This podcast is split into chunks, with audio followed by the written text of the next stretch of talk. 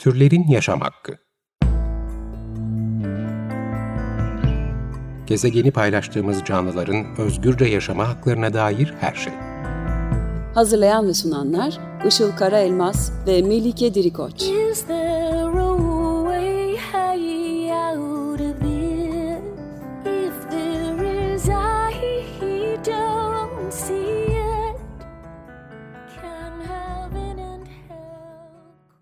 Merhabalar, 95 Açık Radyo'da Türlerin Yaşam Hakkı başladı. Ben Melike Dirikoç.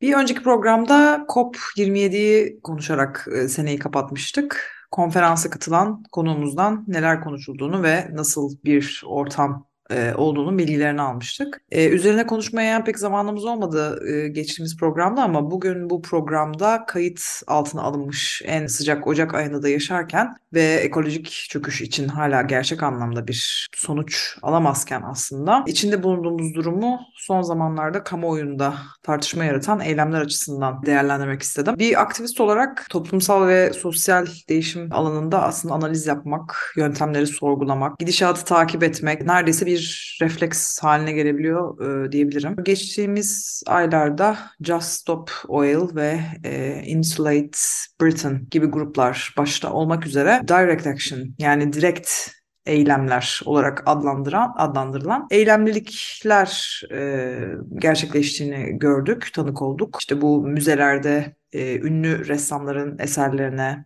boya atmak, çorba atmak, Hatta e, aktivistlerin kendilerini sanat eserlerine veya kamusal alanlarda belli yerlere yapıştırması, yolları oturma eylemleri yaparak kapatmaları gibi gibi genel düzeni bozucu eylemlilik halleri gerçekleştirilmişti. Bu yöntemler bütün dünyada e, oldukça konuşuldu. İşte bazı insanlar tarafından e, destek görürken bazıları tarafından da son derece ağır bir şekilde eleştirildi. Hatta bu kişilerin yani bu eylemleri gerçekleştiren aktivistlerin petrol şirketleri yöneticileri tarafından finanse edildiği ve iklim hareketini e, veya e, iklim aktivistlerini genel olarak kötü göstermek amacıyla gerçekleştirilen bir komplonun parçası olduğu bile iddia edildi. Bu eylemlerin bir yandan da haklı bir meseleyi haksız hale getirdiği ve aptalca olduğu da dile getirilenler arasındaydı. Ve zaten bunların sonucunda da bu eylemler sonucunda da birçok gözaltı meydana geldi ve ayrı aynı zamanda da İngiltere başta olmak üzere yeni getirilen ve getirilmek istenen yasalarla da aslında bu tarz direkt eylem dediğimiz, direct action dediğimiz eylemlerin iyice kriminal, kriminalize edilerek e, aslında engellenmek istenmesi söz konusu. E, tabii bu tarz direkt eylemler sadece iklim hareketinde gerçekleşmiyor ya da e, yeni değiller. Genel düzeni e, bozarak bir şeyi değiştirmeye çalışmak e, aktivizm tarihi boyunca da kullanılmış ve e, zaman içinde de toplumsal değişimlere oldukça katkıda bulunmuş. Toplumsal düzende kırılmalara neden olmuş eylem biçimleri. Örneğin en çok bilinenlerden e, kadınların oy hakkı için gerçekleştirdikleri suffragette eylemleri, Stonewall ayaklanması başta olmak üzere birçok LGBT artı hareketinde gerçekleştirilen eylemler. Amerika Birleşik Devletleri'nde 1950'li ve 60'lı yıllar arasında gerçekleştirilen ırkçılık karşıtı eylemler. Daha birçok e, hareketin, toplumsal hareketin geçmişte direkt eylemler olarak tanımlanan bu eylem biçimlerini kullandığını görüyoruz. Bugünden geçmişe baktığımızda bu eylemlere tepkiden çok destek verildiğini ve e, durumun aslında vahimliği karşısında, tabii vahimliğini şu an için anladığımızdan dolayı e, bu adaletsizlik içinde gerekli bulunduğunu görmekteyiz. İçinde bulunduğumuz mevcut normlardan zihnimizi ve benliğimizi bir türlü kurtaramamamızın da biraz sonucu aslında bugünkü yapılanı tam anlayamamak, kavrayamamak ancak zaman geçince e, bunun haklılığını anlamak. Bu noktada da tabii e, anlamamamız için yani içinde bulunduğumuz zamanın ve e, durumun ve normların yanlışlığını ve hametini anlamamamız için de mevcut düzenin içinde yaşayan insanları kendi tarafına sürekli çekmeye çalıştığını da görüyoruz. Mevcut düzene boyun eğme ve onu çok fazla değiştirmeden etrafında dolanma ya da düzenin izin verdiği kadarını yapma gibi sistemi kabul etme gibi daha konformist ve bir bakıma da aslında itaatkar bir yaklaşımın daha çok kabul gördüğü bir gerçek. Yani toplum yapısı bu şekilde düzenlenmiş. Çoğunlukla düzen kuruculara işte güven ve düzenin kabulü oldukça yaygın. Bu yüzden de yanlış olanı değiştirmeye çalışmak absürt ya da kabul edilemez durabiliyor. Bu noktada da tüm bu işte boya atma, çorba atma, yol kapama gibi bu tarz işte düzen bulucu eylemler ve bunun tartışmalarına dönecek olursak kamuoyu bunu hem kamu düzenini hem de dolayısıyla kendi düzenlerini bozucu, sorumsuz, şiddet içeren ve aptalca eylemler olarak e, yorumladı. Yani bir kısım insan bu şekilde e, yorumladı. Tabii hükümet tarafı ve hani medya vesaire falan da bunu böyle gösterdi e, çok e, beklendik bir şekilde. Tabii yani trajikomik bir şekilde aslında eylemi yapan aktivistler de bu eylemlerin saçma olduğunu e, kabul ettiler ve e, çoğunu ediyorlar gördüğümüz kadarıyla. Ancak zaten belki de esas konuşulması gereken konular olan işte bu noktaya nasıl gelinildiği yani bu eylemlilik biçiminin neden tercih edildiği, neden buna ihtiyaç duyulduğu vesaire bunlar tabii neredeyse hiç konuşulmadı bütün bu alevlenen tartışmalar sırasında. İnsanlar böylesi tepki çekeceğe açık olan sadece tepki çekmekle kalmayıp yani sonucunda hapis bile yatacakları bir eylemi neden gerçekleştirdiler ya da gerçekleştirmek isterler. Bu eylemleri gerçekleştirenlerin e, açıklamaları doğrultusunda aslında bunları çok uzun zamandır iklim krizi e, ve özellikle fosil yakıtlar konusunda bir sonuç alamamanın neticesinde e, gerçekleştirildiğini anlıyoruz. Geçtiğimiz programda konuştuğumuz ve iklim kriziyle bağlantılı olan birçok mesele konusunda e, 27 yıldır yapılan bir konferans var. Milletler Arası İklim Değişikliği Konferansı, COP ve işte bu taleplerin muhatabı olan devletler var, şirketler var. Bunlardan tamamından yıllar boyu ne kadar sonuç elde ettik diye belki kendimize bir sorabiliriz. Her yıl bu konferanslar düzenleniyor. Her yıl yeni anlaşmalar, yeni taleplere karşılık bir takım vaatlerde bulunuluyor. Ancak emisyonlar görüyoruz ki korkunç bir şekilde artmaya, e, insan dışı hayvan türleri e, son hızla yok olmaya, bitki bazlı bir sisteme geçilmesi aslında hemen bugün mümkünken bu teknolojilerin ve bu geçişin aslında sağlamakta oldukça geri durulması ve bu sebeple de aslında insan olmayan milyarlarca hayvanın korkunç biçimde öldürülmeye, acı çekmeye devam etmesini, iklim krizi kaynaklı hava olaylarının, afetlerin sürekli artmaya, işte dev yangınlar, dev seller, bir daha birçok e, hava olayının, felaketin olması, milyonlarca insan ve insan olmayan hayvanın ölümünün devam etmesi, katlanarak artması, insanların evsiz kalması, küresel salgınların olmaya devam etmesi ve genel olarak dünyanın aslında alarm verme halinin ve bunun sonucunda oluşan felaketlerin sürekli olarak arttığı bir tablodayız. Hani sürekli konuşulan bu e, bir buçuk derece zaten yani sadece işin bir kısmı tabii ama hani odaklanılan bu bir buçuk derece şu an için sınırını korusak bile yapılan öngörüler dünya genellikle e, genelindeki buzulların önemli bir kısmını kaybedileceğinden bahsediliyor örneğin. Yani aslında birçok şeyi zaten çoktan kaybettik. Tabii koruyamazsak bu oran çok daha fazla olacak. Yani işte yüzde 60'ların e, üzerine çıkması bekleniyor. Bir buçuğu da yakalayamazsak. Ama zaten her halükarda gerçekten çok ciddi ve çok kritik bir tablo var ve bu giderek kötüleşiyor. Peki bu durumda ne yapmamız lazım? Tablo böyleyken ve işin çok önemli bir kısmı da zaman yokken ne yapmamız lazım? Bunu nasıl durduracağız? Şimdi demokratik eylemler olarak adlandırılan işte kitlesel eylemler olabilir. Kamu, kamusal alandaki yürüyüşler örneğin. Lobicilik faaliyetleri olabilir. Veya işte yasaların değişmesi için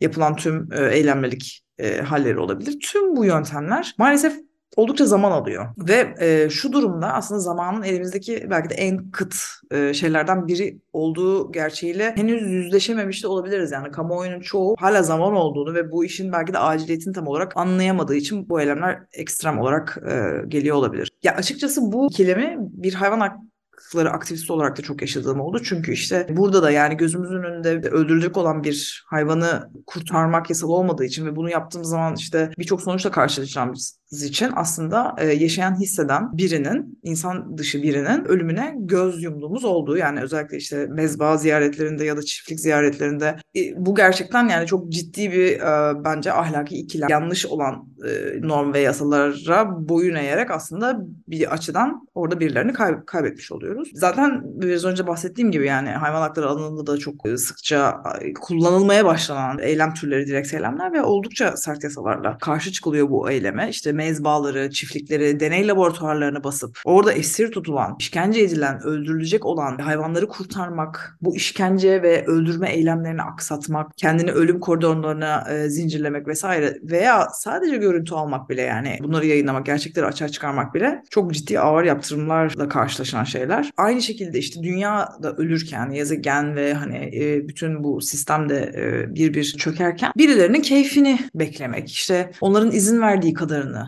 sadece yapmak aslında oluyor yapılan şey. Yani durumun aciliyetine uygun davranmayan bir güruhtan işte sürekli davranmaları için şeyler söylüyoruz ve ısrarla bunu yapmıyorlar aslında. Ama maalesef tabii sistem ve mevcut düzende birçok insanı kendi tarafına çekmiş durumda. Yani öyle bir durum ki zarar bile görmemiş bir resim var ortada. Bu zarar görmemiş resim doğanın, işte insan olmayan hayvanların veya insanların yok olmasından çok daha önemli görülebiliyor bazıları tarafından. E, maalesef yaşadığımız dünyada önem atfedilen şeyler ve korunmaya çalışılan şeyler çoğunlukla insan yapımı şeyler ve yaşam hakkından ziyade bu düzene ait şeyler. Yani yaşam hakkını tam olarak ihlal eden böyle bir insan merkezci, üstünlükçü şeyler. Ters olan, akıl almaz olanın korunduğu bir sistemde bunu değiştirmeye, işte iyi olanı yapmaya çalışanların suçlanmasına da bir yandan da şaşmamak gerekiyor tabii. Yani baktığımızda neyin normal olduğunu anlayabilirsek aslında neyin neden anormal sayıldığını da anlamış oluruz. Düzenin değişmesindeki tabii en büyük engellerden biri de işte bu neyin doğru, neyin yanlış, neyin kabul edilebilir, neyin aşırı olduğunu bizlerin karar verebiliyor olması şu anda bunu belirleyen bir düzenin söylemlerini biz tekrarlamış oluyoruz. E, ve aynı zamanda çok daha önemli bulduğum bir nokta da insanların değişimin bir parçası olabileceklerinin ya da belki de yani şu acil durumlarda olması gerektiklerinin farkında olmamaları. Sonuç olarak da var olan sistemin pasif uygulayıcıları olarak kalmaları gerektiğini ne benimseyen bir zihniyet. Yani bu çok tehlikeli bence. E, kendimiz de dahil tüm hayati kararların oluşturulması ve uygulanması için yetkim, yetkiyi aramızda çok aslında büyük mesafeler olan devlet aygıtına e, teslim etmiş e, durumdayız ve çözüm alamıyoruz oradan işin de kötüsü. E, hemen şu an bir şeyler yapılması gerekiyor ancak bunun için işte mevcut kabul edilebilir düzende ben yukarıyı beklemeliyim ve ulaşamadığım bir yukarıyı beklemeliyim belki de. Ne kullanabilirim? İşte belki oy verebilirim ama yani ya benim oy ver, vermek istediğim ya da değiştirmek istediğim şeyin bir karşılığı yoksa e, bana sunulanlar arasında işte istediğimi sağlayacak bir taraf olmayabilir. Mesela iklim krizi ve hayvan hakları konusunda açıkçası bunu gerçekleştirebileceğini bildiğim ve çok kısıtlı bir sürede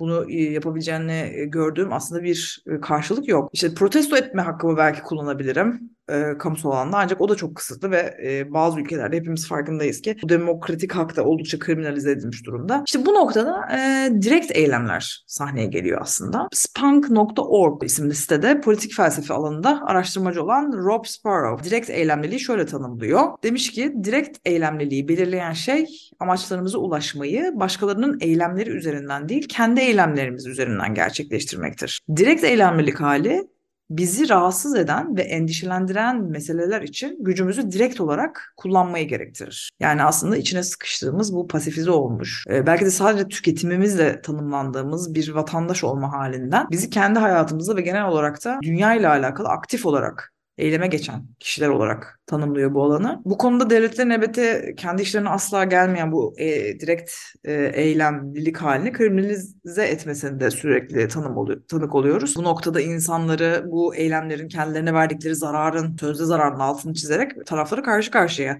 getirmek suretinde sadece yasalar bazında değil aslında kamuoyu nezdinde de e, sürekli krim, kriminalize ediyor. Örneğin en son işte bu Londra'da gerçekleştirilen eylemlerden sonra e, İngiltere hükümeti şöyle bir açıklama yapmış, alıntılıyorum. Demiş ki son yıllarda küçük azınlık olan protestocular tarafından gerçekleştirilen gerilla taktikleri her gün gündelik hayatlarını devam etmeye çalışan emekçi çoğunluk için akıl olmaz bir olumsuzluk yaratmış, vergi verenleri milyonlarca zarar uğratmış ve insanların hayatını riske atmıştır. Şu cümle zaten öylesine bir algı yaratıyor ki insanlar çoğunluk zaten olan insanlar yani küçücük bir marjinal azınlık hani iyice kriminalize olması açısından çok e, dikkat edilerek seçilmiş cümleler. İşte sizin yüzünüzde işe gidemedi, işler aksadı falan. Ama şundan hiç bahsetmiyor. Yani yaşanacak bir dünya kalmayınca gerçekten dışarıda belki nefes bile alacak bir e, temiz hava kalmayınca gidilecek bir iş olacak mı acaba? Ya da vergiler, para bir şey ifade edecek mi? Veya insanların işe gidememesindeki rahatsızlıklarının nedeni işverenlerin acaba olası zararları olabilir mi? İnsanları da sürekli çalışan ve hani çalışmaları aksayınca bütün dünyaları yıkılan insanlar olarak yani gruplar olarak tanımlamış veya işte bu eylemler keyfi mi yapılıyor? Bunun bir altı doldurulmuyor işte esas olan tehlike ne e, gibi gibi soruların ve kendi sorumluluklarına yerler, yerine getirme işlerini hiç söz etmemişler. Ourglobalfuture.com sitesinde 7 Aralık 2021'de yayımlanan iklim aktivistlerinden sıkıldınız mı direkt eylemler neden sandığımızdan daha etkili olabilir e, olarak Türkçe'ye e, çevrilen e, bu başlıklı blog yazısında biraz meselenin psikolojik taraflarına da değinilmiş. E, yazı 2021'de Glasgow'da COP26 sırasında Extinction Rebellion'in ve e, Insulate Britain grupları tarafından gerçekleştirilen eylemler ve bunlara e, verilen e, tepkiler üzerine e, yazılmış e, ve şu soruları soruyor en başta. Direkt eylemler ne derece etkili ve neden e, bu kadar rağbet görmüyor. Bir ikilem olduğundan bahsediliyor yazıda bununla alakalı. E, deniyor ki e, İngiltere'de yapılan bir araştırmaya göre insanların %78'inden fazlası aslında iklim krizi konusunda endişe ediyor ve eko anksiyete belirtileri gösteriyor. E, ancak bununla beraber halkın %52'si yine genel düzeni bozacak bu e, direkt eylemlerin iklim hareketine e, zarar verici nitelikte olduğunu düşünüyormuş. E, yazıda bu düşüncenin bu tarz eylemlerin etkisini anlayamamaktan e, kaynaklandığı e, belirtiliyor. Yani bunun nedenleri ve olası etkileri konusunda bir değerlendirme yapmaktansa ve bunu bir strateji olarak algılamaktansa insanların e, eylemin var olan mantık ve eylem normları çerçevesine oturup oturmadığına göre e, tepki verdiklerini e, gösterdiğini söylüyor araştırma. Ve e, bu tarz eylemlerin ne gibi olumlu etkileri olabileceğinden de bahsediyor bir yandan. E, ilk olarak eylemlerin aslında dünya çapında dikkat çekmek konusunda oldukça başarılı olduğundan bahsetmişler. Bunu e, en sonki eylemlerde de e, gördük gerçekten. Olumsuz duygu ve tepkiler ortaya çıkartsa da bunun tepkisizlikten çok daha iyi olduğu belirtiliyor yazıda. E, çünkü tepkisizlik ya da uyuşmuşluk böylesi acil harekete geçilmesi gereken konularda sahip olabileceğimiz en vahim durumdur diyor. E, ayrıca e, şöyle ekleniyor. İlk verilen e, tepki olumsuz olsa da sonrasında konu üzerine düşünmeye sevk edilebileceği belirtiliyor. Aslında bu çok doğru. Yani işte e, birisiyle hayvan hakları ya da veganlık konuştuğumuzda da aslında hani kendi e, deneyimimden de biliyorum. İlk verilen tepki oldukça olumsuz olabiliyor ama sonra bununla ilgili gerçekten o olumsuz duyguların bir süre sonra düşünmeye ve sorular sormaya itiyor insana. Ve aynı zamanda direkt eylemin bir başka artısının da iklim krizi gibi müdahalenin zaman açısından kritik olduğu bir meselede insanların daha elle tutulur somut problemler konusunda aksiyon almaları için harekete geçirici olabileceğinden bahsediliyor. E, işte direkt eylemler dışında örneğin işte müzakere süreçlerini e,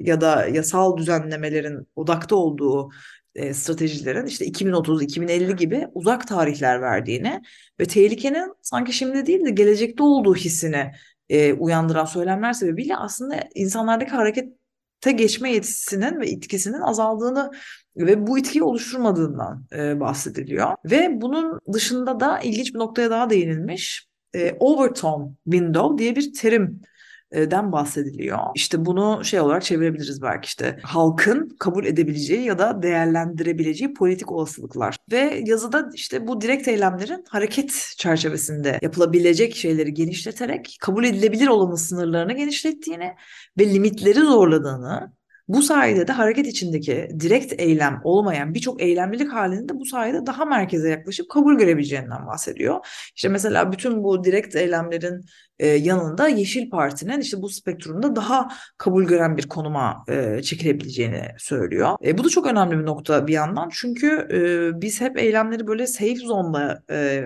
yapmak zorundaymışız gibi düşünüyoruz ama bir yandan da e, sınırları zorlamayan hareketlerin küçülmeye ya da işte o e, genel politik e, baskın söylem tarafından asimile e, edilmeye mahkum olduğunu da öngörebiliriz. Ve zaten bu zamana kadar gelen ve başarılı olmuş, başarı kazanmış bütün toplumsal değişimlerin de aslında hareketin sınırlarını e, genişletmekle kazanıldığını da görüyoruz. Ve şu anda da aslında baktığımızda geçmişe eskiden radikal gözüken birçok eylemlilik biçimi bugün gayet kabul e, görüyorlar. Son olarak bir artısı olarak da e, şeyden bahsetmiş. Bu tarz eylemler demiş sebep olduğu duygusal reaksiyonla zihnimizde yer etmesi durumu yaratır ve e, bu da aslında e, aksiyon al, alma olasılığını arttırır. İşte mental shortcut yani zihinsel kısa yollar dediğimiz e, durumla beraber e, beynin en yakınında olan en son duyduğu bilgi dahilinde verdiği duygusal tepkiden bağımsız olarak konuyla ilgili aksiyon e, alma olasılığını e, arttırabildiğinden e, bahsetmiş son olarak. Yani hani iyi ya da kötü aslında e, bu konuyla alakalı bir şey duyduğunda bununla alakalı ya da buna tam olarak konunun kendisi değil belki ama yani bağlantılı olabilecek konularla alakalı aksiyon alma olasılığının arttığını söylüyor. Ve evet mevcut gidişata bakacak olursak aslında anlık tepkilerin görünenin ve söylenenin ötesinde stratejilere ihtiyacımız olduğu kesin. E, bu sistemin bence en büyük sorunlarından biri de bizi e, sürekli kendi yanına ve böyle orta yola e, çekebiliyor oluşu. Yani doğru bilgiye ulaşmanın sürekli engelleniyor oluşu da tabii çok ayrı bir e, vahim durum. Pasifize olmuş bir şekilde aslında bir kaosun ortasında böyle burnout yaşayarak sürekli e, öğrenilmiş bir çaresizlikte e, bizi beklemeye e, sanki mecbur ediyor gibi. Tabii en hayati meselelerde bile sorumluluğu bozulmuş bir mekanizmaya e, vermenin bence sorunsallığını da anlamamız gerekiyor. İşte sistem değişikliğinden bahsediyoruz. Hani iklime değil sistemi değiştir diyoruz ama burada e, bence sadece değişmesi gereken e, endüstri sistemleri değil e, toplumsal sistemleri ve yapılanmaları da bence bir an önce gözden e, geçirmek gerekiyor diye düşünüyorum. Programın yavaş yavaş sonuna geldik. 95 Açık Radyo'da Türlerin Yaşam Hakkını dinlediniz. Bugün e, direct action yani direkt eylemler e, olarak çevirebileceğimiz ve her zamanki düzeni bozarak değişim yaratmaya çalışan e, eylem biçimlerinden bahsettik. Sorularınız ya da yorumlarınız varsa bize e-mail yoluyla da ulaşabilirsiniz. E-mailimiz turlerinyasamakki.gmail.com Dinlediğiniz için teşekkürler. Bir sonraki programda görüşmek üzere. Hoşçakalın.